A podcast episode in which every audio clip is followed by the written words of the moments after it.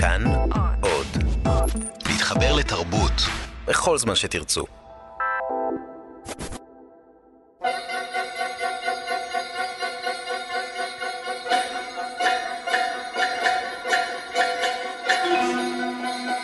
מאחורי הקלעים, שעה עם רותי קרן על צידו הנסתר של עולם התרבות והאומנות.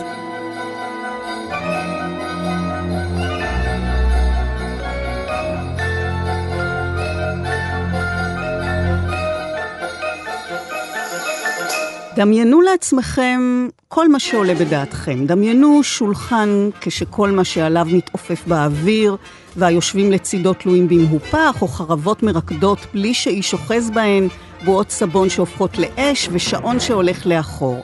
כן, בוודאי תאמרו לעצמכם, קוסמים יכולים לעשות את כל זה, אבל מה דעתכם לדמיין משהו מטורף, הזוי, בלתי אפשרי לכאורה, ומישהו יעמוד מולכם ויגשים לכם את הפנטזיה. ולא, הוא איננו קוסם, כלומר, הוא איננו אומן אשליות, אף על פי שאשליה היא מרכיב חשוב בסיפור הזה, ומה שהוא עושה בשתי ידיו בעבודה קשה, בסופו של דבר, זה קסם. יובל קדם הוא אומן אפקטים מיוחדים, ממציא ומייצר פתרונות טכניים לתיאטרון, לקולנוע, לעולם הפרסום, למופעים מוזיקליים ולמיצגים, והוא האורח היום ב"מאחורי הקלעים", מתוודע לחלק מן הסודות שמאחורי האשליות המופלאות שלו. אני רותי קרן מגישה ועורכת, אלון מקלר על הביצוע הטכני. שלום יובל. שלום רותי. 27 שנים אתה בתחום המופלא הזה שיצרת ובנית בעצמך מאפס, נולדת עם כישרון יצירתי טכני נדיר, ובכל זאת, כשהגעת ליום צילומים כדי להפעיל אחד מן הפטנטים שלך, כשקראו ברמקול לספיישל אפקט להגיע, בקולנוע יש title לכל תפקיד, וה title הוא בדרך כלל בלועזית, אתה בכלל לא ידעת שמתכוונים אליך. זה נכון, כי אני צמחתי מאפס, לא באתי מרקע של... אה... קולנוע, האמת, כמעט לא באתי משום רקע. התחלתי בכלל בתחום של תיאטרון, אבל לימים הגיעו אליי גם לעשות בתחום הסרטים, שבסופו של דבר היום זה רוב העשייה שלי. אז כשבאתי עם כל מיני אביזרים ופטנטים שרצו שאני אעשה להם, אז על הסט פתאום אמרו לי, טוב, נקרא לה special effect. אה, זה אני, אוקיי, אוקיי, בסדר. זה שם יפה, נשמע נחמד. יאללה, אני גם מאמץ את השם. היום קוראים לי על הסט בדרך כלל גלילאו, שזה השם של הסטודיו שלי. זה בדרך כלל... גלילאו הממציא, כן. אז במקום לקרוא יובל, אומרים גלילאו, זה בדרך כלל אני יודע שמתכוונים אליי. זה קשור אולי לעובדה שכבר כילד קטן בנית כל מיני מכשירים, בגיל עשר כבר בנית טנק. טנק? כן, אני אהבתי, ל... היה לה בחצר, בבית, היה בית אימון, כי זה בזמנו היה בית אימון לעופות, אבל זה נהיה מין אה, מחסן עבודה כזה, שהיה שם בית מלאכה קטן כזה, שבדרך כלל אבא שלי עבד בו, ושם התחלתי לבנות את הדברים.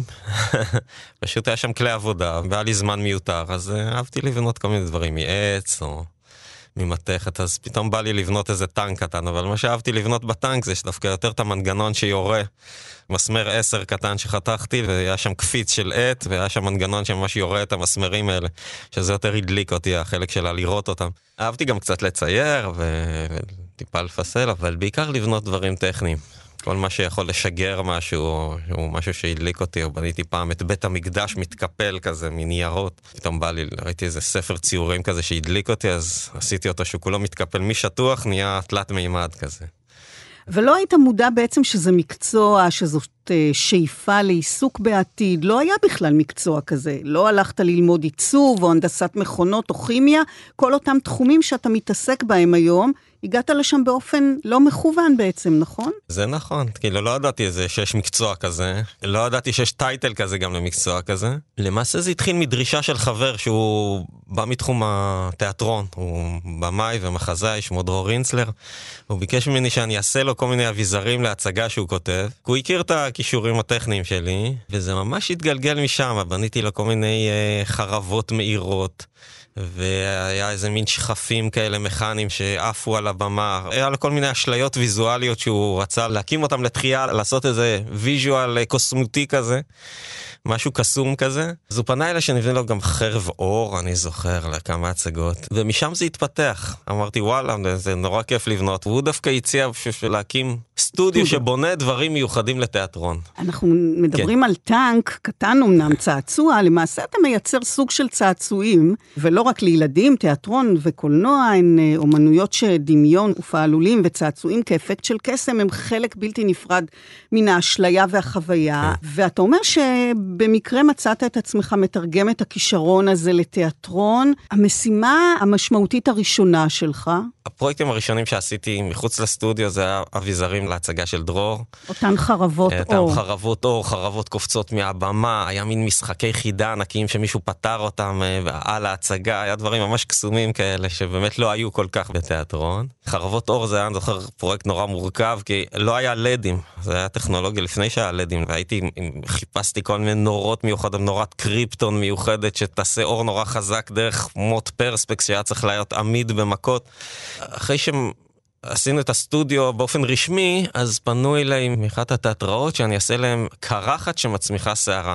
להצגה של אפרים סידון, מעלה קרחות, וזה היה פרויקט מאוד מורכב, כי היה צריך קרחת שמצמיחה שערה באורך שלושה מטר. אה, אז היה צריך מין מנגנון כזה, מכני, מנוע שנמצא על הגב של השחקן. אני מדבר איתך לפני 25 שנה, זה היה הדבר הזה. וזה היה צריך להיות אמין ולעבוד uh, המון הצגות. שהשחקן מפעיל את זה? השחקן מפעיל את זה ופתאום צומחת לו שערה. זה כאילו מלך, אה, הסיפור, זה סיפור אולי ידוע, הרבה ילדים כן. מכירים אותו. עולם של כולם קרחים, פתאום למלך צומח שערה, מה יהיה? הוא פתאום חריג. ואפילו חותכים את השערה והשערה ממשיכה לצמוח. אז זה היה מנגנון קוסמותי כזה כן. שהיה צריך להצמיח שערה. אז אני זוכר שאחרי זה פגשתי את האביזר הזה אחרי עשר שנים אני חושב, שרצו אותו להצגה אחרת, בכלל תיאטרון אחר רצה אותו, ואז התיאטרון המקורי, בית הגפן שהזמין את זה, אז היה שם בחור אה, שאמר לי, אה אין בעיה, אני אביא לך את זה, זה עבד, כאילו זה מדהים שאחרי כן. כל כך הרבה שנים זה עדיין עבד, עשיתי לו איזה שיפוץ קטן וזה. אז יצרת ובנית, וכך אנחנו יכולים לראות על בימת הקאמרי עונים מעופפות וחרבות קופצות, אה, מישהו שמכה מישהו בבקבוק שמתנפץ לו על הראש, כן. ובלי שיקרה דבר לשחקן שהוכה. כן, זה פרט קטן, שכדאי שהוא לא, לא יקרה לו כלום. כן. כן. איך עושים את זה? בקבוקים זה בקבוק מחומר שדומה לסוכר. Mm. והוא נשבר או נורא בקלות ולא פוצע. וזה כן. נראה לחלוטין כן. עשוי מזכוכית. לגמרי, ומשמיע כן. גם את הצליל. חייב להיות. דם, כן. נכון? או סכינים. כן. אז קח אותנו אל הסטודיו שלך, mm-hmm. בוא תספר איך אתה עושה את זה. אני מתחיל מלהבין את האתגר שיש, כאילו, את המשימה שאני צריך לעשות. אז אה, באמת סכינים או דברים שהם יחסית ידועים ונגיד טריוויאליים בתחום כן, שלי יחסית. כן, אה... סכינים שמתקפלות כש... כן, אבל עדיין אין אה, ספרים שמספרים, אולי יש, אבל בזמנו לא היה יוטיוב. אתה הכל צריך להמציא לבד, הייתי צריך לעשות סכין שמוציאה דם. כאילו עושה חתך באור, אז כאילו מוציאה דם, אז הייתי צריך לעשות איזה מין קפסולה בפנים שהם לוחצים עליה והיא מוציאה דם דרך צינוריות דיקיקות בתוך הלהב. היה סכין שעושה דקירה, אז אני ממש עושה מנגנון, זה קצת עבודה של נפחות ו- וצורפות בעצם, mm-hmm. כי זה מאוד עדין, ויש שם מנגנון של מסילה שמכניס את כל הסכין לתוך הלהב, עם קפיצים שזה אחר כך נשלף. בתקווה שהם עובדים כמו שצריך. רצוי שהם עובדו, נכון? כן, כן.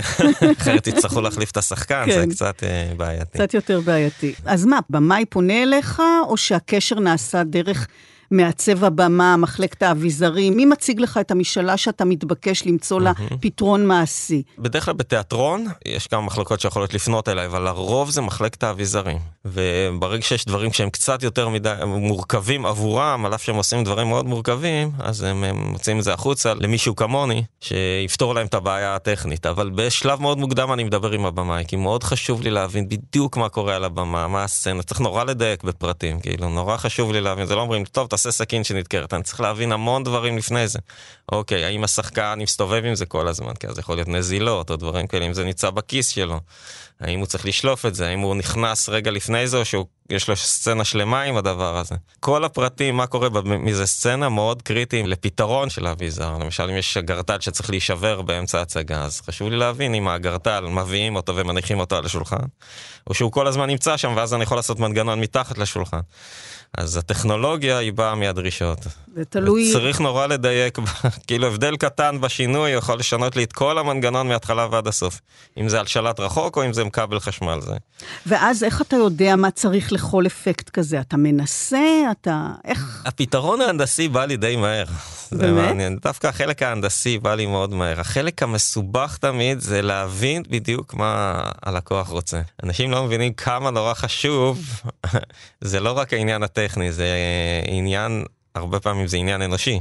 לגרום לבן אדם לתאר לו את הציפיות, מה הולך לקרות לו, איך זה הולך להיראות, איך זה, זה, לפעמים אני עושה לו טסטים, מעדיף לייצר איזשהו טסט קטן, שיראה איך זה נראה, איך, זה, זה, איך זה נשבר, איך זה מתפוצץ, איך זה עף, שיבין מה הוא הולך לקבל, זה הרבה יותר חשוב לי מאשר הצד הטכני. אבל אז... אתה אומר שהפתרון הטכני בא לך מהר, ובכל זאת, אני תוהה איך אתה יודע מה, איך להפעיל את זה, איך כן. בכלל להמציא את זה, כי יש כאן דברים שלא היו נניח קודם, או שאין, אה, נניח אני, אני ראיתי אה, ציפורים כאלה שעפות, יונים. כן.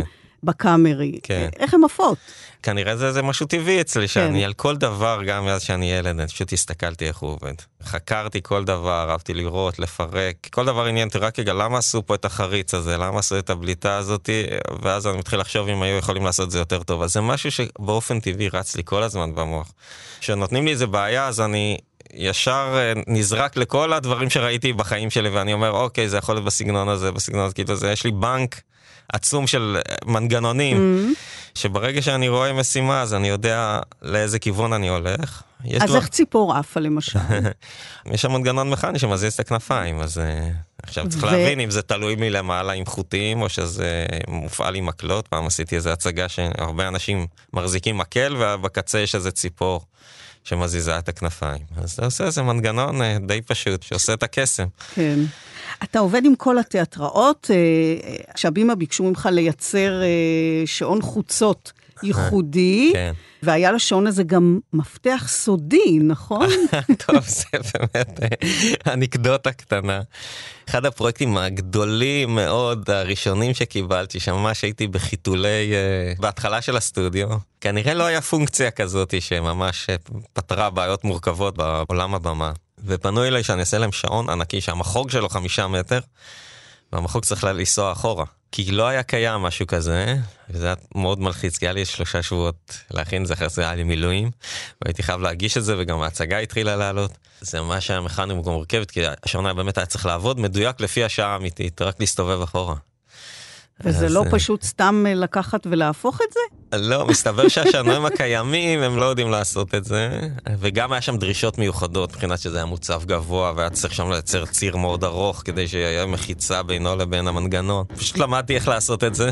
מה, עשית מחקר על מנגנוני שעונים? האמת התייעצתי עם, אה, עם איזה מישהו שהתעסק עם שעונים, ואז ברגע שהוא אמר לי את העיקרון של שעון חוצות, שזה למעשה כל דקה זז תנועה קטנה, מתקדם את הזווית הנכונה במחוג, אז זה הקל עליי מבחינת התזמון, עשיתי שם טיימר ומערכת גלגלי שיניים, אבל הטיימר קבע את השעה ולא המהירות של המנוע. המהירות של המנוע פחות הייתה חשובה.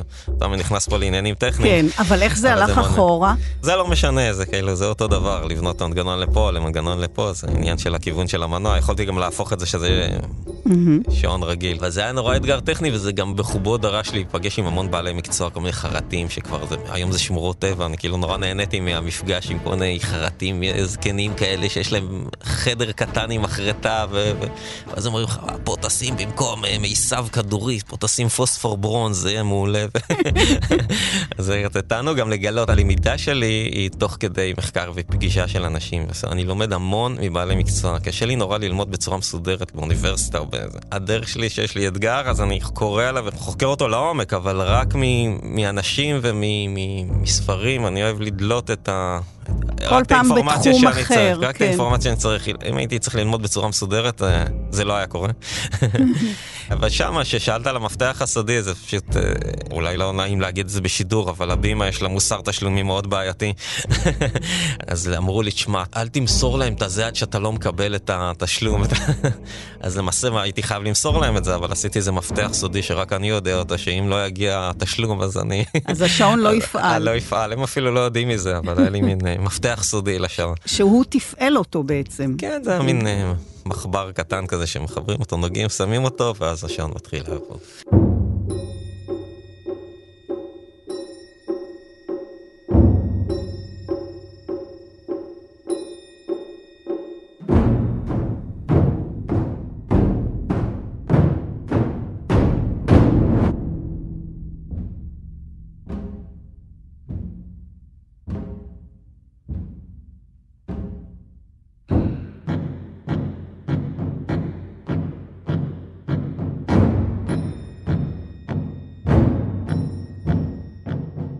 בכל זאת, בתום העבודה הכל כך מורכבת הזאת, שעשית כאמור אה, בלחץ אה, זמן בלתי אפשרי, ההצגה ירדה לאחר שלושה שבועות? נדמה לי משהו כזה. נורא כן, מתסכל, לא? יש את זה בתיאטרון, כולם מכירים את זה.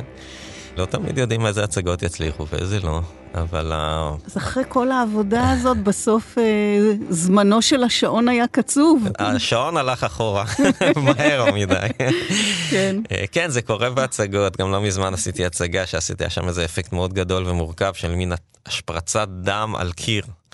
רוני טורן היה מעצב, הבמאי רצו שיהיה קיר גדול צהוב, ופתאום יהיה עליו שפריץ מאוד גדול של אה, בית ברנרדה אלבה. אז, אה, של לורקה. כן. של לורקה, בדיוק, וזה היה בתיאטרון באר שבע, וההצגה משום מה ירדה אחרי זמן לא רב, אבל הוא סיפר לי שדווקא מאוד דיברו על, האפקט, על האפקט שהיה לו מאוד משמעותי. מה שנשאר מזה זה האפקט. כן, אז אם זוכרים בסוף כן. את האפקט, אז זה נחמד. זה לא טוב להצגה, אבל... אני חושב שגם את ההצגה זוכרים, היא הייתה מאוד מעניינת. כן, איזה עוד דברים עשית? אני יודעת שעשית איזה תיבת נגינה מיוחדת. היה גם בין השאר תיבת נגינה קטנה שכשפותחים אותה אז בובה קופצת ומסתובבת. היה מופע גדול שנקרא אלומיניום של היוצר אילן עזריאל, שם זה בערך היה שנה, שנה וחצי עבודה רק על אביזרים. זה מופע שכולו מבוסס על צינורות אלומיניום של מזגנים. והוא בא אליי אה, עם איזשהו רעיון גולמי, בוא נעשה משהו עם הצינורות האלה, ואני המצאתי לו את כל המנגנונים. אני אמרתי לו, שמע, תראה, הצינורות, אפשר, אם שואבים אותם ופותחים אותם, אפשר לעשות מין ים כזה. זה מופע מחול כזה שהוא רץ בחו"ל אה, כמה שנים, והסתובב בכל העולם, והסתובבנו אותה בארגנטינה איזה חודש, זה היה כיף, אני אפילו הייתי חלק מהצוות שהסתובב איתו. כי תפעלת את זה? אני בקאפ, רק שהכל יעבוד טוב, זה היה החודש הכי כיפי בעולם, כי אני, אני רק באתי כמו... אתה מדבר על צינורות, גם היה איזה מופע עם קפיץ, נכון? קפיץ כזה שיורד במדרגות? אז זה משהו אחר. אה, הצינורות היה שם, היה זחל קטן שהיה צריך לחצות את הבמה. גם מין הוקוס פוקוס כזה, והיה איש קטן שצריך לחצות את הבמה. כל מין רובוטים כאלה קטנים, שהייתי צריך למצוא פטנט איך...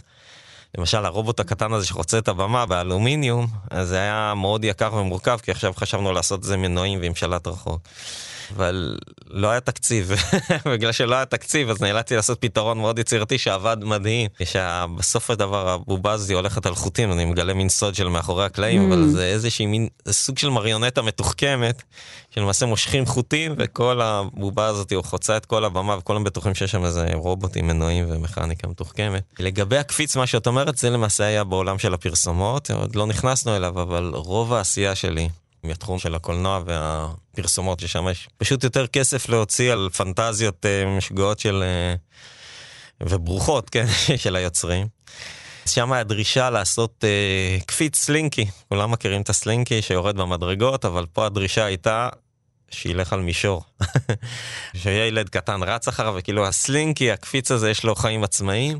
מאוד קיוו שאפשר לעשות את הדבר הזה אמיתי, כי בדרך כלל מעדיפים, אם אפשר לעשות את זה אמיתי, live, מצטלם, היו מעדיפים שזה יקרה אמיתי, כי זה מחובר יותר טוב למציאות מאשר לעשות את זה במחשב. אז uh, אמרו לפני שאנחנו הולכים לעשות את זה במחשב, בוא, בוא נפנה ליובל, נראה אולי יכול לעשות את זה, אמרתי להם תנו לי לחשוב איזה יום, יומיים, ואז שלחתי להם סרטון של הקפיץ הזה הולך לבד ועובר לי מתחת לרגליים, הם היו בשוק כאילו, ואמרתי להם שלא ערכתי כלום, הם פשוט היו בשוק. זה ממש היה כן. כיף, כי זה מסוג המשימות שנשמעות לך מאוד מסובכות בהתחלה, גם לי זה נשמע מורכב. הם אמרו לי אפילו שאני יכול להיות בפריים, ולעבוד עם מקלות ירוקים, וימחקו את זה עם חוטים, שאני אעשה מה שאני רוצה, ימחקו אותי, אבל רק שיהיה להם קפיץ הולך. כן. בסוף נתתי להם בלי מחיקות, בלי כלום, שהקפיץ הולך לבד לגמרי. וואו. אז כן. uh, זה מסוג הדברים שהפתרון בסופו של דבר הוא נורא נורא פשוט. הוא פשוט. פשוט לאחרים. לך, כן. אה, גם בשטח הוא היה פשוט, אבל כן. מה שיפה זה כאילו למצוא פתרון פשוט לבעיה מאוד מסובכת, וזה היה ממש רגעים של כיף בעשייה, פשוט תענוג. היה לך גם נעל שנדלקת באמצע הצגה, והייתה גם רכבת שנוסעת מצד לצד ומרחבת. נכון, נכון, נכון. טוב, את מזכירה לי כל מיני דברים שעשיתי בהצגות, לפעמים אני שוכח. כן, לקאמרי רצו איזה נעל ששחקן הוא מחזיק אותה ביד, ופתאום פוף, באופן ספונטני נדלקת. זה קורה הרבה שצריכים כל מיני אש שפתאום פורצת על הבמה, או רדיו שפתאום מוציא עשן, זה דברים ש... והאש היא אמיתית? כן, ממש אש, אש, אש אמיתית. אש לגמרי אמיתית. מה שהיה יותר מורכב זה דווקא לכבות את האש. הוא היה mm. צריך להדליק את הנעל, שזה דווקא יחסית קל, אני עושה איזה מין... אה, מצית כזה? מין מצ, מצת חשמלי כזה קטן. העניין היותר מורכב זה לכבות את זה בטיימינג. אז היה צריך לשנות מנגנון שלם עם קלפה כזאת שנסגרת, שנסגרת. עם קפיץ, אה, והכל בהפעלה של היד שלו. של שחקן עם יד אחת. והרכבת? אה, הרכבת, אה, זה גם, זה, זה למעשה זה אותו במאי. דרור ריצלר, שפתח איתי את הסטודיו בזמנו, זה היה לו הצגה בניסן נתיב, חלומותיו של איציק כהן זה נקרא. הוא רצה איזה משהו קסום, שהבן אדם חולם חלום ורוצה איזה משהו שיהיה משהו קסום, כאילו הוא חולם את זה. אז אמרתי לה, אתה יודע מה, בוא נעשה לך רכבת מרחפת. אז הרכבת מתחילה לחצות את הבמה, כאילו נוסעת על הרצפה, הכל טוב ויפה, כולם מכירים, ואז באיזשהו שלב מהאמצע של הבמה היא מתחילה לעלות למעלה. ולרחף ולעבור לצד שני וזהו ומיד נכנסים שחקנים ונדלק האור וכאילו אסור שיהיה חוטים על הבמה ושהכל יהיה וזה לא עם חוטים? אני לא יכול לגלות את הכל אבל יש שם חוטים אבל הם לא נמצאים על הבמה. כאילו הם מתרוממים ישר למעלה ונעלמים. אבל זה חוטים שממש לא רואים אותם. שלא רואים חוט, אותם, ממש... כמו של קרקס. כן, זה חוטים מיוחדים שאני אשתמש בהם לכל מיני דברים. בעצם מדובר בשילוב בין אה, יכולות טכניות להבנה במנגנונים מכניים, שאת רובם אתה ממש ממציא, לדמיון פורה, כלומר זה לא רק ידיים טובות, זאת יכולת יצירתית ייחודית מאוד, נזכיר למאזינים. שהיום במאחורי קלעים אנחנו משוחחים על יצירה ובנייה של אפקטים מיוחדים לבמה ולקולנוע, באולפן כאן אה, תרבות, יובל קדם ואני רותי קרן, וכל היכולת המופלאה הזאת, בלי שלמדת עיצוב מוצר או רכשת השכלה מסודרת, ואפשר לומר אולי שמי שלימד אותך היו הפסנתרים, מאחר שהמקום שבו רכשת התנסות פיזית וגם uh, פיתחת את הדמיון, זה סטודיו לשיפוץ ולכיוון של פסנתרים. שם עבדת כמה שנים טובות, עולם מרתק בפני עצמו, אז נכון. מה מתחולל בקרבו של הפסנתר? מה יש במנגנון של הכלי הענק הזה שהוא בית ספר למכניקה, לפטנטים ולאפקטים? התחום הזה של הפסנתרים זה היה עוד אבן דרך נגיד במסלול שלי למנגנונים וזה. באמת שאחרי הצבא אני נכנסתי לעבוד אצל מאסטר אה, בפסנתרים, יוחנן ריקרדו. והוא דרש ממישהו טכני שיעזור לו בשיפוץ של הפסנתרים, וגם הכיוון, וזה נורא עניין אותי, ומישהו המליץ את זה, ופשוט התחלתי לעבוד אצלו בלי שום ידע מוקדם. הוא טיפה ראה איך אני עובד, ואמר, טוב, יאללה, בוא נתחיל. עבדתי שם שמונה שנים. צללתי לעולם ומלואו, תחום מאוד מעניין שהוא מלאכה עתיקה, ממש של בעלי מקצוע של פעם. להכיר את המכניקה של הפסנתר, יש שם מנגנון מאוד מורכב, פסנתר כנף, ואנחנו עבדנו עם הפסנתרי כנף הכי טובים בארץ של הפילהרמונית, ובאמת הגיעו לידינו הפסנתרים הכי טובים, וזה היה מאוד uh, מאתגר. ויש שם מכניקה מורכבת שצריך נורא להכיר אותה, ויש שם המון פרטים ולבדים ומנגנונים וקפיצים, והכל כפול 88. כי יש 88 קלידים ו-85 תלוי בפסנתר. שזה גם להכיר המון חומרים ושיטות עבודה קלאסיות עם דבקים שעשויים מעצמות של ארנבות ומשהו מאוד מעניין. זה היה תענוג, אבל למדתי מזה המון, גם את הצדדים הטכניים, גם שיטות עבודה, גם כלי עבודה. לומדים להפעיל את הידיים ולהפעיל את המוח בהתאם לזה. כן, מכניקה עדינה כן, מאוד, גם כן. Uh, זה בהחלט עזר מיתר. לי המון במלאכה, בחלק של הקראפס. עכשיו, כשאתה מייצר אביזרים מיוחדים לתיאטרון, שהם דוממים, שקמים לתחייה, זה מחייב קודם כל... Uh, בטיחות, שלא לסכן את השחקנים. דיברנו קודם על הסכינים שכדאי שהם אה, באמת כן. יתקפלו פנימה. רצוי. לא לסכן שחקנים ולא לסכן את הקהל, והאמינות שזה יפעל ערב-ערב ולא יתקלקל, mm-hmm. ויכולת הפעלה, שאתה צריך להדריך שחקן או פועל במה. אז איך זה עובד? באמת השונה מתיאטרון וקולנוע, שבתיאטרון אני באמת מוסר את האביזר למשתמש או למתפעל הצגה, ואני כאילו לא משגיח על זה. אז שם נדרשת אמינות מאוד גבוהה, שזה תמיד יעבוד ושזה יהיה מה שקוראים אידיוט פרוף, כאילו שכל אחד ידע לתפעל את זה בלי המון סיבוכים, לפשט את זה. כמובן, הבטיחות בטח, הבטיחות זה דבר שמאוד אני שם אליו לב. אז מה, אתה מדריך, אבל... עושה יום הדרכה לשחקנים, אה, איך צריך אה, לתפעל? כן, אני עושה הדרכה גם לשחקן וגם ל... או לפועלי במה שמפעילים כן, את זה? לפרופסמן, כאילו, רקוויזיטור, מה שקוראים כן. בעולם התיאטרון, בפרסום בסרטים, אז אני נמצא שם בדרך כלל, כן. לתפעל את הדברים. אני לא מוסר את זה, אז אני יודע שאני יכול להשגיח על זה, ואם יש איזה בעיה, אני מטפל בזה, אז גם שם נדרשת אמינות מאוד גבוהה מבחינת זה שזה זה יום צילום הוא מאוד יקר ואסור שזה ייפול, שמשהו כן. ייפול עליו במחלקה שלי, שלא במשמרת שלי, זה יקרה משהו. אבל קורה שהצבת משהו ועל הבמה מתברר שזה לא מתאים, שזה לא עונה על הציפיות, שזה מסורבל לתפעול, או שזה לא מספיק אטרקטיבי, ואתה צריך לעשות... יכול לקרות דברים כאלה, זה לא קורה הרבה, כי בדרך כלל, כמו שאמרתי, אני מדגים איך זה הולך להיראות. התיאום ציפיות הוא מאוד מאוד משמעותי, כדי שלא רק ברגע האחרון יבינו, אה, זה לא עובד לנו טוב. אבל כן זה קורה, כן, קורה שבסוף מבינים, אוקיי, זה לא מתאים להצגה, זה לא משרת את ההצגה. אפילו קרה לא מזמן שעשיתי למשל מקלחת של דם, לדוגמה, להצגה, ו... אבל זה היה מסורבל מדי, זה היה מסורבל, כנראה לא מספיק שירת את האפקט, והם הורידו את זה אחרי כמה הצגות. Mm, אחרי כמה הצגות. כן, כן. אני חושב שהם הריצו את זה קצת והורידו, זה, זה החלטות שהן קשורות לפעמים לתפעול מסובך, או ל... או שזה לא מספיק משרת את הזה, או שזה בוטה מדי. וקרה משהו באמת שכמו סכין כזאת, שזה באמת לא עבד ומישהו נפצע? לא זכור לי משהו שפציעות שקרו מדברים שבניתי, למזלי, לא היה משהו כזה, דברים שלא עובדים, לפעמים היה. אבל זה מאוד נדיר, כן, אני מנסה לעשות הכל, כן. שאני בודק אותו כל כך הרבה פעמים, ואם צריך אני עושה בקאפ. בדרך כלל הדברים אה, מאוד מורכבים. אני זוכר שלא מזמן עשיתי, עשיתי איזה פאה שמסתובבת על הראש. וזה היה הצגה עם המון המון דברים טכניים שלא קשורים אליי, שיש המון אה, מציאות רבודה, שאנשים מחזיקים משקפות ויש שם מסכים והמון דברים טכניים. והיה את הפאה הזאת שמסתובבת על הראש, והם היו נורא מוטרדים שזה לא יעבוד להם. אז אה, בחזרות, בערך הדבר היחידי שעבד זה הפאה הזאת, וכל שאר הדברים בהצגות זה בסוף הם יפתרו את זה, אבל היה המון בעיות מסביב לזה, ורק הפאה זה הדבר היחידי שעבד, אז זה היה נחמד. בתיאטרון, גם מפני שזה קורה כאן ועכשיו, חי מול קהל, וגם בגלל המרחק, כלומר, על הבמה צריך אה, להגזים מעבר למראה הריאלי, כדי שגם בשורה האחרונה יראו. זה מובא בחשבון בתכנון? נותנים את הדעת לדברים האלה, בטח. זאת אומרת, אתה מתבקש לעשות דברים אולי קצת יותר גדולים מעבר לגודל? אם זה לתיאטרון, אז צריך לעשות שזה יראה נורא ברור. שברור מה מחזיקים, מה זה שזה... אז זה יותר גדול, יותר מסיבי. אה. דווקא בתחום של הפרסומות לא נכנסנו לזה. תכף ש... נגיע.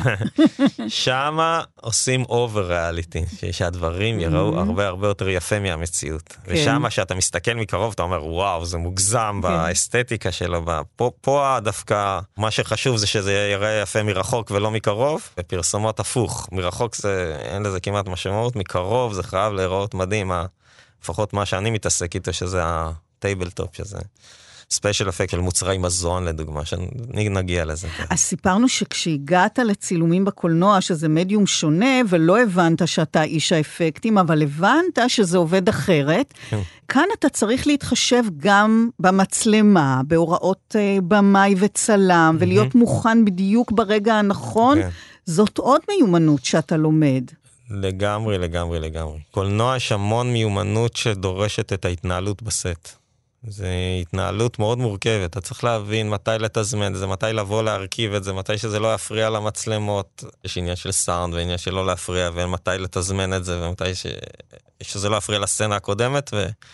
טיימינג. והטיימינג, שזה יעבוד בדיוק כשרוצים, וכמובן יש הכנות סביב זה, אז צריך לדעת מתי להתחיל את ההכנות, מתי לא. אתה לא רוצה להיות זה שמעכב את הסט. על אף שבסוף תמיד יאשימו אותך, אבל זה בסדר. פה נעשה גם שיתוף פעולה עם אנשי הארט שאחראים אה, לעיצוב הוויזואלי של הסרט. אה, כאן אצלנו התארח לפני זמן.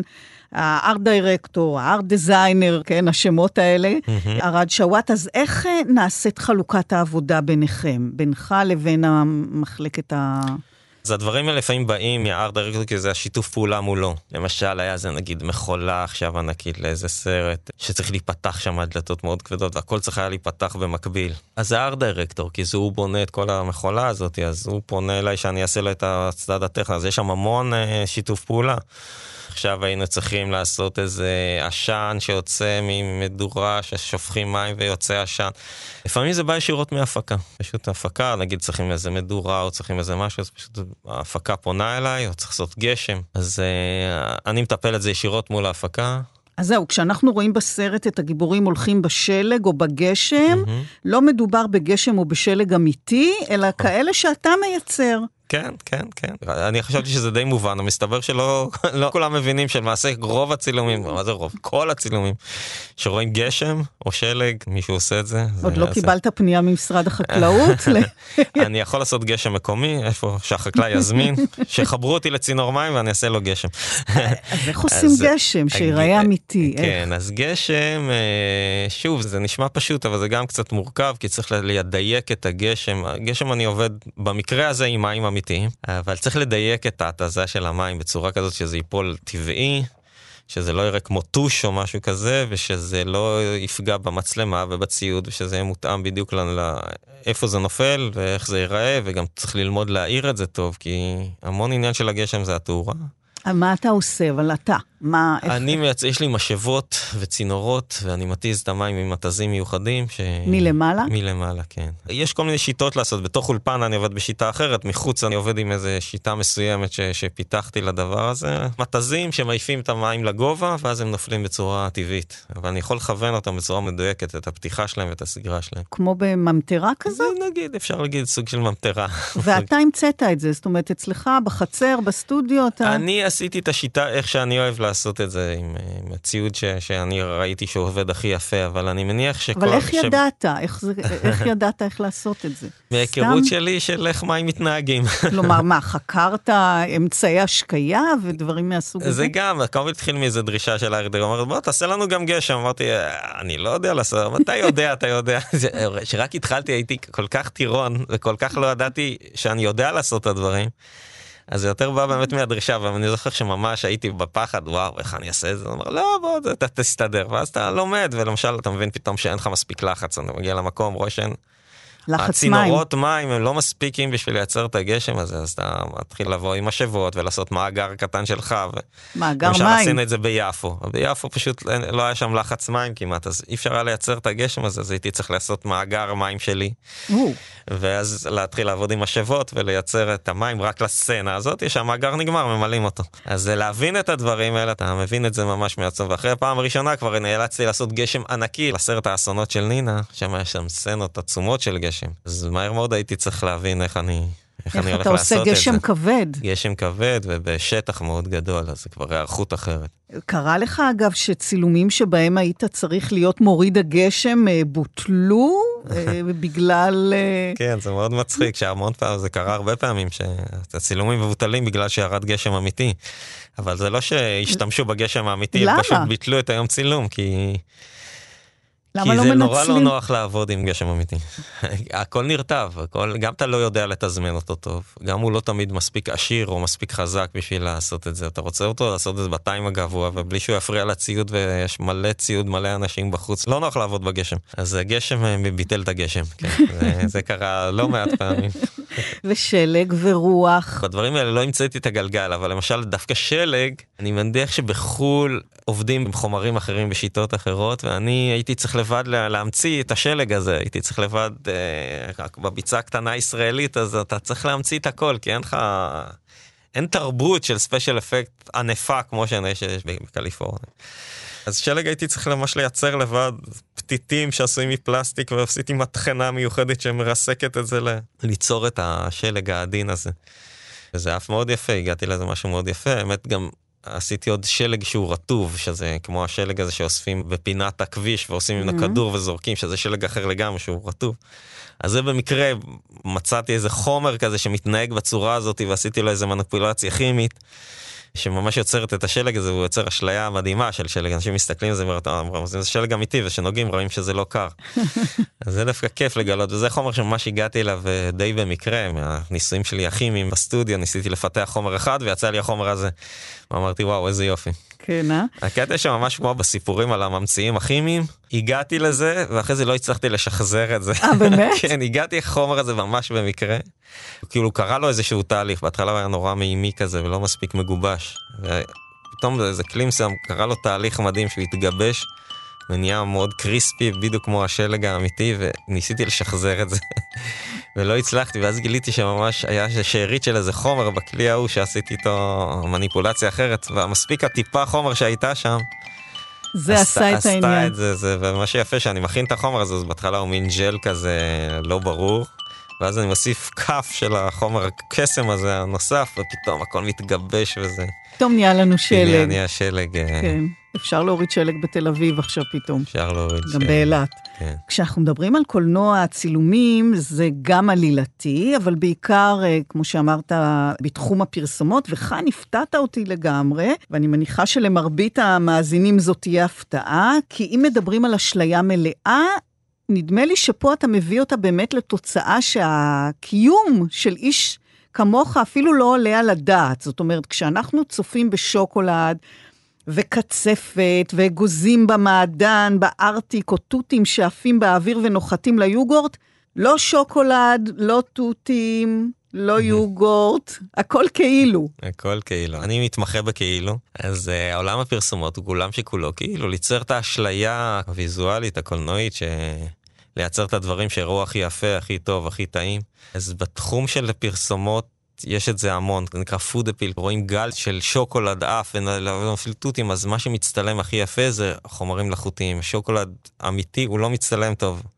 ובראשית התעשייה בארץ של התחום הזה באמת השתמשנו בשוקולד אמיתי, פשוט ראינו שהוא לא עובד טוב. מה קורה לו? אי אפשר להגיע לצמיגות הנכונה, הוא נהיה לא אחיד. פעם עשינו, היה פרסומת ענקית שרצינו לעשות, ואני עוד לא הייתי טירון, לא ידעתי כלום, לקחו אותי שאני אזיז נוזלים ממקום למקום, אמרתי אוקיי, אבל לא ידענו על החומרים האלה. אז אמרו, טוב, נשתמש ביוגורט אמיתי, השתמשנו ביוגורט אמיתי, באמת המון כמות מטורפת של יוגורט, אני מדבר קוב יוגורט. אז אה, אלף ליטר של יוגורט נשפכו שם, ואחרי כמה זמן הוא התחיל להתגבש, זה נקרא להתגבן. נהיה גבינה. ומתחילים כן. לראות את זה מצלמה, את הגושים הקטנים, וזה היה קטסטרופה. ואז אמרתי, טוב, אני צריך להתחיל לפתח חומרים משלי, אז לכל השוקולדים וכל הזה, אני פשוט מפתח חומרים שלי שאני יכול לשלוט בצמיגות שלהם ובברק שלהם, וכל הדברים שרואים בפרסומות של שוקולדים ותותים נופלים, זה בדרך כלל עולמות שאני בורא, שהם פיזיים, זה מזרקים שמתיזים חומר, זה מאוד מורכב, להגיע לשוטים האלה זה מאוד מאוד מורכב. זאת אומרת, שוב כאן אה, נכנס העניין של הכימיה. נכון? נכון. אתה ממציא חומרים, אתה... כן, לגמרי. אבל שוב, לא למדת כימיה, אז איך אתה יודע... אני איך... למדתי כימיה, אבל לבד. פשוט בעצמי, מה כלומר, אתה יושב, קורא מה תערבב, וייתן לך כן. משהו שיכול להדמות באופן מלא את המרקם, את הצבע, את הצמיגות נכון. של יוגורט או שוקולד. נכון, ממש ככה. כי הרבה פעמים משתמשים בצבעים, חושבים שזה צבעים, אבל אני לא משתמש בצבעים, יש להם המון חיסרון, וצבע אמיתי הוא בעייתי, גם מלכלך מאוד את הסט, הוא גם מתייבש ומתקשה, שזה מאוד לא טוב. אז uh, לדבר הזה פיתחתי חומרים שאני, מההיכרות שלי עם חומרים, ואני באמת כל הזמן חוקר חומרים, כל הזמן חוקר חומרים, גם אם אני לא צריך אותם, זה מעניין אותי, אז אני אומר, בוא, אני חייב לעשות את זה, נראה מה קורה אם עושים את זה. אתה מערבב כל מיני חומרים? מערבב כל מיני חומרים, אתה לא מפחד קונה... מאיזה פיצוץ? לא, ברגע שאתה יודע מה אתה עושה, מה שנקרא, אני משלם המון כסף על הסקרנות שלי, ואני mm. נהנה מכל רגע, אני משלם שזה משהו חדש שאני רואה, אני פשוט קונה וחוקר את זה, גם אם אין דרישה. פשוט בשביל הכיף שלי. כמו מה, למשל? אני רואה איזה חומר מתחום המזון שאני לא מכיר, אז אני אומר, בוא ננסה לראות מה קורה עם זה, איך לחמם את זה, לערבב את זה, להעמיס את זה, ונראה איך הוא מתנהג. בתחום של מזון, של צילומי מזון, המון פעמים שרואים בטלוויזיה, באמת חושבים שזה עושים במחשב, משום מה. זה לא. שמשתמשים בשוקולד אמיתי. זה לרוב, לרוב, לרוב, זה לא משתמש בשוקולד אמיתי. לא ביוגורט אמיתי, ולפעמים גם הדברים שנופלים פנימה, כמו יוגורט, אגוזים, דברים כאלה. כלומר, גם התותים, הם מודלים. מודלים שעושים במיוחד לצילומים האלה. כמו הטבליות שוקולד שנופלות לתוך בריכה של שוקולד, אז זה לא שוקולד אמיתי, ובדרך כלל הקוביות האלה זה אני מייצר. התחום של הפירות, כל הפירות האלה שנופלים לתוך ה... אז יש מישהו מומחה לתחום הזה, שהוא בונה מודלים לתעשייה הזאת. הקוביות קרח, זה מודלים שאני מייצר. קוביות קרח זה גם לא, עשוי מפלסטיק, זה לא מקרח אמיתי, כי קרח אמיתי פשוט ממס, והוא לא, לא שומר על זה, ואין לו מספיק, הוא לא נראה מספיק יפה. הקוביות השקופות האלה, יש להם, מה שאמרתי, אובר ריאליטי, כאילו שזה יראה, הגזמה של המציאות. אבל המתקנים שמזיזים אותנו, זה בגלל שזה נוזלים וחומרים, זה הרבה יותר מורכב. כי לצפות התנהגות של חומרים זה הרבה יותר קשה מלצפות התנהגות של גלגלי שיניים נגיד, או מכניקה, שאני יכול לתכנן על הנייר ואני יודע מה יצא בסוף. פה אתה צריך לעשות המון ניסויים וללמוד את הפיזיקה של זה רק מדרך לנסות את זה. לעשות דיזות או פתחים מיוחדים ולחצים מיוחדים ובוכנות שמשפריצות את זה ואז לראות איזה גובה זה זה ומפגש של זה עם הדברים הוא פשוט טבעי אז נורא קשה לחזות את זה עד שאתה לא מנסה את זה ומדייק את זה. אז אתה בסטודיו שלך מנסה את זה? ממש כמו, כמו מדען. ממש כמו מדען ובודקים אחר כך את הלחצים ואחר כך ליום צילום אתה צריך לבוא נורא מדויק וגם ביום צילום יש הרבה דברים לא צפויים. אבל צריך נורא לדייק פה גם מבחינת הטיימרים, כי זה דברים שקורים באלפיות שנייה. בדרך כלל השוטים של המזון, זה מצלמים את זה במצלמות, אה, מה שאצלנו קוראים היי ספיד, מה שרוב הקהל מכיר את זה כ-slow motion, ואז הכל נהיה בהילוך איטי, כי הדברים האלה קורים נורא מהר. אז ברגע שמשהו קורה נורא מהר, אני צריך נורא לדייק בטיימינג של הדברים, של מתי קורה נגיד השפריץ של השוקולד ומתי עפים לתוכו הפירות. כן. זה אלפיות שנייה. אז כמו עם uh, הש... הגשם והשלג, גם כאן מתברר שהאמיתי, במרכאות, נראה מאוד לא טוב במצלמה, נכון. הוא בכלל בלתי אפשרי לעבוד איתו, כמו שאתה אומר.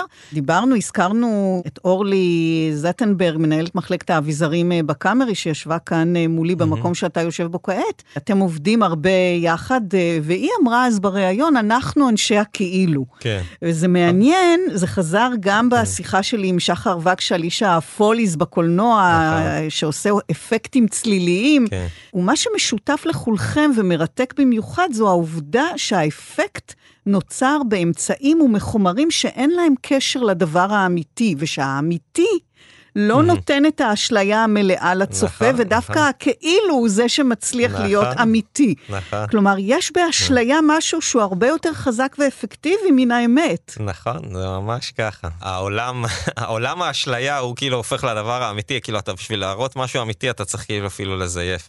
בסופו של דבר, כל האשליה הקולנועית היא בעצם פייק אחד גדול, השחקנים לא באמת משחקים, הם, לא, הם, לא, הם משחקים את המציאות, הצילום מדמה את המציאות. ובשביל לעשות את הדימוי של המציאות, אתה צריך לייצר מציאות שבסופו של דבר נראית אחרת. סט של סרט נראה תמיד שונה בסופו של דבר מאיך שזה במציאות. ובדברים האלה זה בא ביתר שאת, כי אתה ממש אה, צריך לעשות משהו שיראה over reality, יותר יפה, יותר... כדי להגיע לזה שזה ייראה כאילו שזה כן. אמיתי. מעניין שהיה עכשיו ממש לא מזמן, השתתפתי בתערוכה לא מזמן, שהיא ממש מדברת על זה, זה בפסטיבל פרינט סקרין. שמנהל עמותי שם זה ליאור זלמנסון, הוא דיבר בדיוק על ה- you have to fake it to make it. זה מאוד מעניין מבחינת העשייה שלי, והוא באמת זימן אותי להציג שם בגלל שהעולם שלי, ברגע שהוא, ברגע שהוא ניסח את זה בצורה הזאת, אני אומר וואלה, באמת העולם שלי זה... אני מזייף בשביל להראות את המציאות. תערוכה ב... שהתעסקה בעולם הזיוף. עולם הזיוף, והוא ביקש שאני אבנה שם איזה מיצג אומנותי. אני לא רואה את עצמי אומן, אבל לפעמים אני, מדרישה שבאה מבחוץ, אומרים, נשמע, תעשה לנו איזה משהו אומנותי, אז אני אומר, אוקיי, בסדר, אני אעשה לכם איזה שיגוע כזה נחמד. אז שם ממש ייצרתי מכונה פייקית לחלוטין, שמדהימה איזה תהליך, קראתי לזה מתקן לבדיקת שחזור קרחונים. זה כאילו מישהו בנה מתקן מעבדתי, ש... בודק אם אפשר לשחזר קרחונים בטבע. אז יש שם איזה שלג כזה שהוא חומר גלם כזה רטוב, שהוא מפשיר, הוא עובר איזה סירקולציה עם איזה משאבה בתוך איזה מתקן סירקוז כזה, ואחר כך עובר לאיזה משטח שעם די קור זה נוזל ומטפטף ונבנה בסוף קרחון, וממש רואים קרחון כזה מאוד יפה, שקוף, שהטיפות נופלות עליו ומרגישים שם את הקור. עכשיו, הכל היה שם מזויף לחלוטין, הכל מפלסטיק, והקרחון הוא מפלסטיק, והשלג שמפשיר הוא שלג שדיברנו עליו קודם, הסינתטי הזה, הכל שם סינתטי לחלוטין. והייתי בטוח שהקהל יבין שזה הכל סינתטי והכל פייק, פייק על פייק, כאילו הכל המכונה הזאת מופרכת כי אף אחד לא הולך לשחזר קרחונים בשיטה הזאת, והכל בעצם מפלסטיק שזה המופרך כן. על המופרך. אבל בתוך התערוכה שהתחלנו להציג את זה, אז הייתי מופתע לגלות שאנשים חשבו שזה אמיתי, שזה באמת מכונה שמייצרת גוש קרח. הצלחת. הצלחתי מדי. כן, אז, בעצם נכשלת. נכשלתי, כי האמנות לא שווה, אם אתה עושה פרודיה על משהו וחושבים שזה דבר אמיתי, אז פספסת את הפרודיה. אז הייתי חייב להוריד את השלטים שהיו על זה, שאמרו אל תיגע בזה, ואמרתי לא, ההפך, תיגע בזה, וביקשתי שיגעו בזה, וברגע שנוגעים אז מבינים את האשליה. ואז זה עובד. ואז זה עובד, ואז אומרים, אה וואי, גם זה, אה זה לא קרח אמיתי, אה זה הכל מפלסטיק, אז עבדו עלינו פעמיים. אתה גם עובד עם אומנים מתחומים אחרים, אה, מוזיקליים, במיצגים, מה אתה עושה שם? אומנות המיצג משתמשת בי הרבה, סתם עשיתי כמה פרויקטים פשוט נורא נחמדים, אז, אה, אז אני, נגיד שחר מרקוס פנה אליי בזמנו שאני אעשה לו שעון חול, שאפשר להפוך אותו, והוא שעון חול גדול, אבל עוד פרט קטן, שה... הוא בעצמו היה בתוך השעון חול, אז השעון חול היה צריך להפוך את שחר מרקוס בעצמו, את האומן המיצג. הייתי צריך לייצר שעון חול שקוף, והוא בתוכו, ועוברים כדורים דרכו, וזה בעצם מתזמן משחק שח ענקי שצולם אה, ליד היכל הספר בירושלים. פרויקט יותר מורכב שעשיתי, גם קצת מפחיד. הוא ביקש שאני אעשה איזה שולחן, שארבעה סועדים, הוא שוכב בתוך השולחן, ויש שם איזה מין טקס של אה, עטיפה של שוקולד, של גירוד שוקולד, מין עשיית ארוחה כזאת, מין סעודה כזאת, היא לא ברורה. רק פרט קטן, שכל השולחן הזה היה תלוי בגובה חמישה מטר באוויר, וכל השולחן הזה התהפך עם השחקנים ועם כולם, שהוא היה הפוך כמה שניות, ואחר כך מתיישר כמה שניות. אז זה מתקן שהיה מאוד מלחיץ לעשות אותו, כי יש פה המון עניינים בטיחותיים, מה שדיברנו עליו קודם. זאת אומרת, הם גם... בעצם יכולים ליפול באמת. הם יכולים ליפול באמת, ואיך... וכל הדבר הזה יכול ליפול באמת, אז אתה צריך לעשות את הכל עם כל ההבטחות האפשריות, ושהם קשורים, ושיהיו רתומים כמו שצריך. ברור שיש מהנדס בודק מעליי שבוחן את הכל והוא נותן את האישורים, כי לי אין סמכות לתת אישורים לכזה דבר, אבל זה לא מוריד אה, מאחריות שלי לעשות את זה בטיחותי, בלי להתייחס למהנדסי בטיחות, כי גם עליהם אני לא תמיד סומך, אני יותר סומך על עצמי. באמת, הכל עבד טוב. כן, אז באמת השולחן התהפך, הם היו עם הראש למטה. כן. זה היה לאומנות הארץ, זה היה ברידינג, שזה מבנה יפהפה ומדהים, שאני לא, חבל לי שהוא לא מנוצל מספיק גם היום. אז מבחינת הדמיון אתה אומר אין גבול, mm-hmm. למעט רוחב דלת הסטודיו שלך, נכון? אה, כן, יש לי מגבלה. אני יכול לקחת כל פרויקט עד גודל 90 סנטימטר. כי 90 סנטימטר זה הרוחב של הדלת בסטודיו, אז אם זה דברים שלא עוברים שם, או אני לא דואג שהם יתפרקו ל-90 סנטימטר, אני, אני לא לוקח. זאת המגבלה. כן, כן, זה, על הכל אתה מתגבר, כן, כן, אבל... אז המצחיק שדווקא באמת בפרויקט הזה, ששחר, השולחן הענקי הזה שמתהפך, אז עשיתי שם איזה שינוי של איזה 20 סנטימטר בזוויות של השולחנות שהם לא ישבו באופן אה, סימטרי לגמרי, הייתי צריך לעשות את השינוי הקטן הזה שהמתקן הזה יצליח לעבור בדל. כשעבדת עם אה, אורי דרומר ורות קאנר, הצבת מכשירים מוזיקליים, נכון? נכון? כן, כן. פה הדרישה הייתה, תעשה לנו סאונדים מיוחדים ויזואליים שעושים לך קולות של מלחמה, או קולות קצת מפחידים או דרמטיים. אז שם יצרתי סדרה של כלי נגינה מיוחדים, שכלי אחד למשל עובד על אש. אמרתי לו, אם יהיה לך פה צינורות, ואני אזרים בתוכם אש עם איזה ברנר מיוחד, זה יעשה לך סאונד מאוד יפה, שהגובה של הסאונד יכול להשתנות בהתאם לאורך של הצינור. עכשיו אמרתי את זה לפני שניסיתי את זה. אמרתי, טוב, אני אעשה לזה טסט ונראה איך זה עובד, ועשיתי את זה, נשמע סאונד מדהים, זה נשמע כמו איזה כזה, משהו כזה מפחיד. וזה ממש יצרתי לו כלי נגינה שעובד על אש, עם צינורות באורחים שנים. עשיתי לו עוד כלי נגינה שעובד על מים, סירקולציה של מים ובקבוקים שניתזים על זה.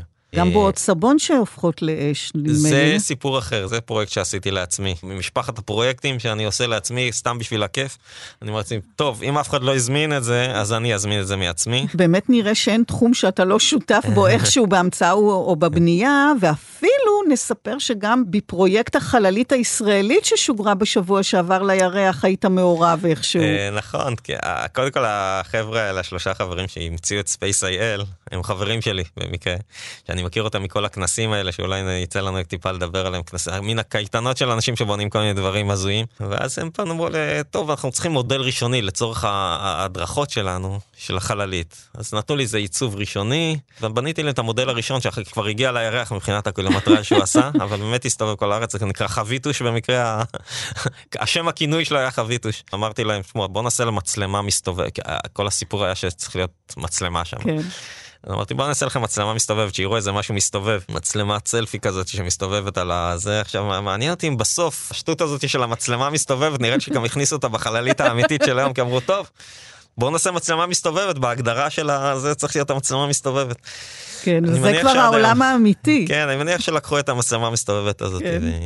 יובל, נדמה לי שאתה הראשון בארץ שעשית דברים כאלה, וגם כעת אני מניחה שאתה בין היחידים. למה זה כל כך נדיר? בגלל כישורים מיוחדים, בגלל יכולות, מפני שזה קשה? קודם כל אני לא אקח את הקרדיט שאני ראשון בארץ, אני מניח שהיו עוד אנשים לפניי שעשו כל מיני דברים כאלה, אבל באמת אין הרבה אנשים שעושים את זה, כאילו אנחנו אולי ארבעה כאלה שעושים את באמת הדברים האלה לעולמות של הפרסומות, לתחום של ה special effect פיזי. כל אחד גם מתמחה במשהו אחר. יכול להיות שאין מספיק שוק לפנטזיה, הדברים האלה הם, הם לא זולים, לעשות כזה דבר מאפס, רעיון מופרך שהוא כאילו... אפשר להגיד כאילו חסר תכלית מלבד ה visual שלו. מלבד האשליה, זה דברים שהם דורשים הרבה תכנון והם לא זולים. לא עושים פה קולנוע הוליוודי, שיש שם המון דרישה כסף, לדברים האלה. כן, אבל זה גם לא תלוי בזה שבאמת אה, יש כאן כישרון ויכולות יוצאות דופן, ושאולי אין אותם אה, לרבים. את אומרת, ואני אקח את זה כמחמאה, כן, תודה. כן, ובכל זאת, אתה זוכר משהו שתכננת, שלא הצלחת לבצע מה שציפית לעשות? משהו שתוך כדי פעולה קשה, הפתיע, הפטנט שלו עבד? הכשלים האמיתיים גם קורים, קורים גם כשלים אמיתיים, זה כמובן בכל תחום. זה קרה לך נדמה לי יום, פעם יום אחד לפני הצגה. כן, היה לי משהו ש... איזה אביזר שהגשתי ואיזה מין רכבת כזה שנסעת במעגלים ושמתי אותה על הפסים ופשוט שום דבר לא עבד וזה כאילו הכשל היה כל כך מצחיק ודי ברור שהוא היה קורה. כמובן התגברתי על זה לפני זה וניגשתי להם משהו שהוא למופת אבל פשוט הצחיק אותי המכנית הכשל שהיה שם. שהיה צריך ממש לבנות שם איזה משהו מחדש, שכל הצירים הייתי צריך להפריד אותם עם עץ, נוצר שם איזה קצר שלא ציפיתי, ציפיתי שהוא יקרה, אבל זה, זה היה די obvious שהוא היה קורה.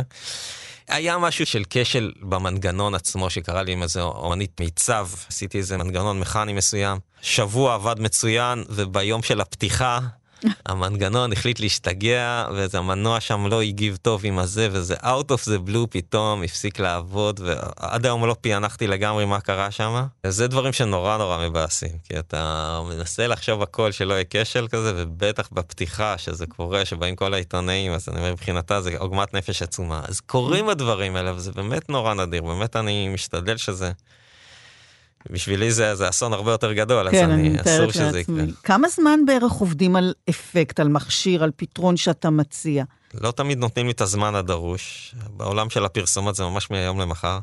מהיום למחר? אה, יש דברים שממש מהיום למחר, יש דברים שזה מה, ברמה של שבוע. מה, להמציא יוגורט זה נשמע לי... זה צריך קצת יותר זמן, כי זה דורש טסטים, אבל נותנים לך מעט מאוד זמן בדברים האלה. בתיאטרון יש קצת יותר זמן, קצת יותר זמן בדרך כלל. ואתה עובד גם על כמה דברים במקביל? כן, רואה, בטח. יש תקופות שהן מאוד עמוסות ולחוצות. כאילו, יש, יש תחושה שאני רק עושה fun ונהנה בעבודה, שזה נכון, אני מאוד אוהב את מה שאני עושה. כן. אבל עדיין זה עבודה לכל דבר ועניין, ויש המון לחץ, ולעמוד בציפיות, ולעמוד בדרישות, ולעמוד בלוחות זמנים, ולפעמים זה מאוד מלחיץ, ולפעמים אין, אין זמן לישון, והמון לחץ. בתהליך הניסוי בסטודיו, שהוא כמעט מדעי, אפשר לומר, אתה חווה בוודאי גם התלהבות, גם אכזבה, גם תסכול, וצריך סבלנות, כן. ועקביות, וחריצות, המון תכונות. כלומר, מעבר לכישרון הטכני וההמצאה, משהו באופי שאתה חושב אה, ששומר אותך בתחום כל כך הרבה שנים? ברור שהאופי שלי הוא מכתיב את העבודה, אבל uh, קודם כל לומדים כל הזמן איך לעבוד ואיך לייצר את זה בצורה נכונה. ברור שמה שהייתי פעם זה לא כמו מה שהייתי היום. ואני חושב שתכונה חשובה אצלי, שיישמע קצת מוזר, אז דווקא החוסר ביטחון שלי בדברים מסוימים. אני כל הזמן אומר, אולי אני לא מספיק טוב. אולי uh, בעצם רוצים יותר. אז אני חושב שזה אולי תכונה, הדרייב הגדול, שאתה אומר, רק רגע, אסור להיכנס לשאננות. כאילו, יהירות בדברים האלה היא הכי גרועה. אף פעם אל תהיה יהיר, כאילו, אוקיי, זה יכול להיכשל, תדע לך שזה יכול להיהרס וזה לא יעבוד ולא יאהבו את זה. אתה כל הזמן בתחושה קצת שבעצם, למה הם פונים אליי? בטח בראשית דרכי, היום אני יודע שהרבה דברים אני יודע לעשות.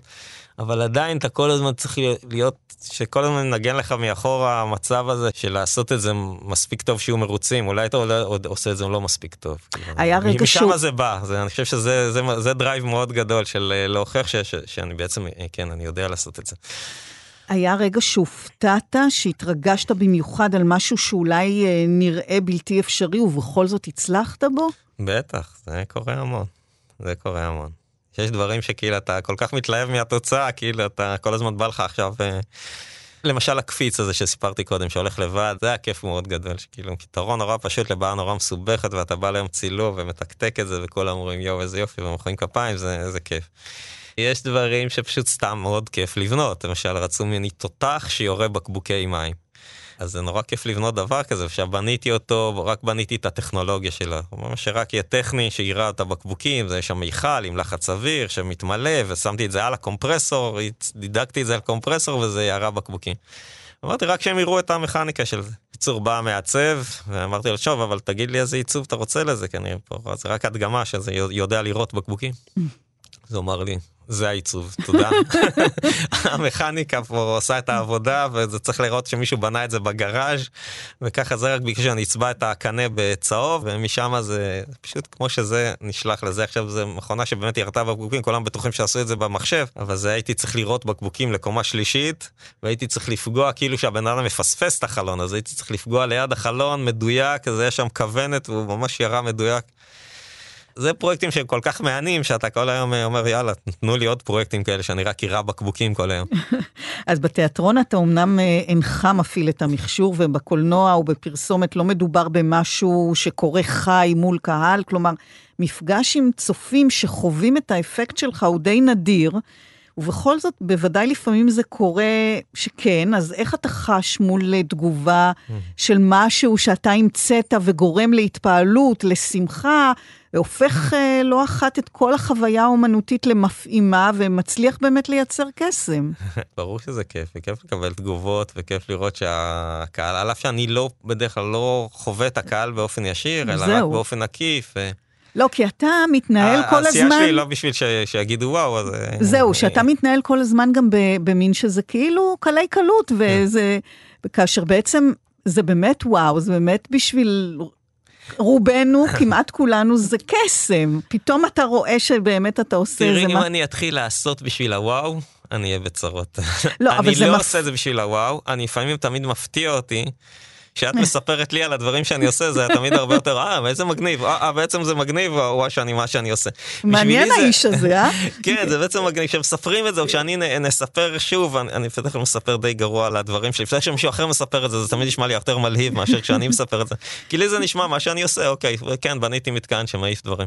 המקצוע הזה אמנם לא שכיח מעטים עוסקים בו אבל סיפרת לי שיש עוד משוגעים כמוך ושיש לכם גם מפגשים או יותר נכון איך קראת לזה? קייטנות לילדים גדולים. כן. ובמסגרת הקייטנות האלה אתה בונה פטנטים ומכשירים לעצמך. נכון. זה סוג של קייטנה כזה שנפגשים לשלושה ימים, ומה שנדרש זה לבנות פרויקט חסר תכלית בעליל, בסוף ה... במוצאי שבת מציגים אותו והולכים הביתה, מפרקים אותו ואין לו זכר.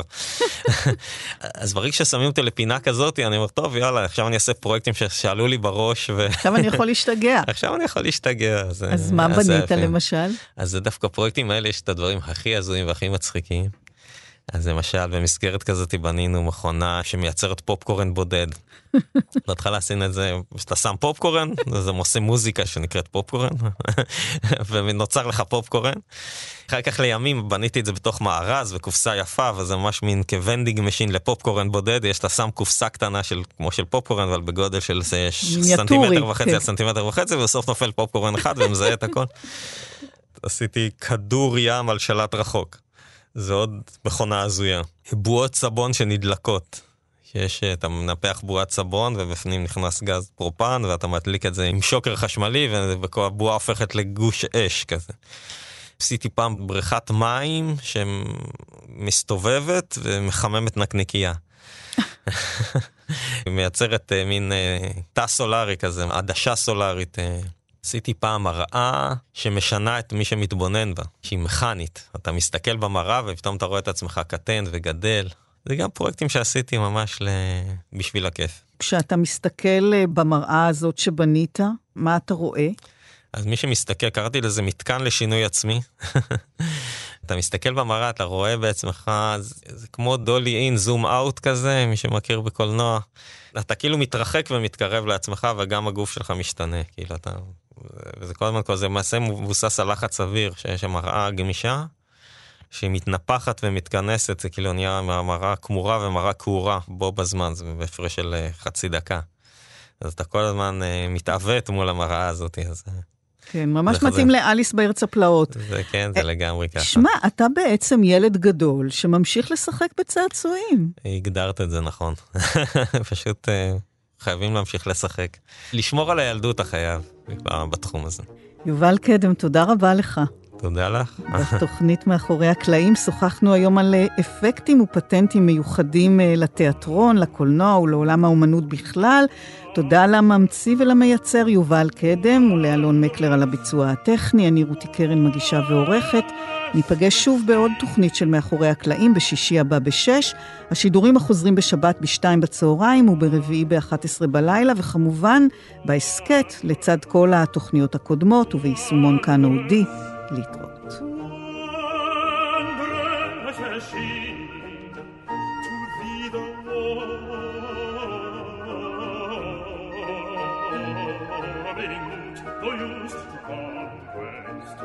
wie Fuchs, was wie Fuchs, was wie Fuchs zu ihm, was wie Fuchs, was wie Fuchs, was wie Fuchs zu ihm, was wie Fuchs, was wie Fuchs zu ihm, was wie Fuchs, was wie Fuchs, was wie Fuchs zu ihm.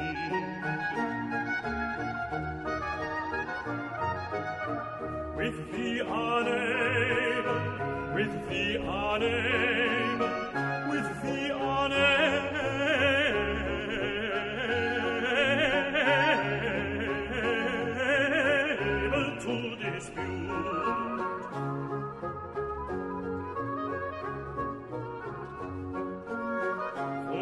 used to conquest, for used to conquest, is with thee unable to dispute.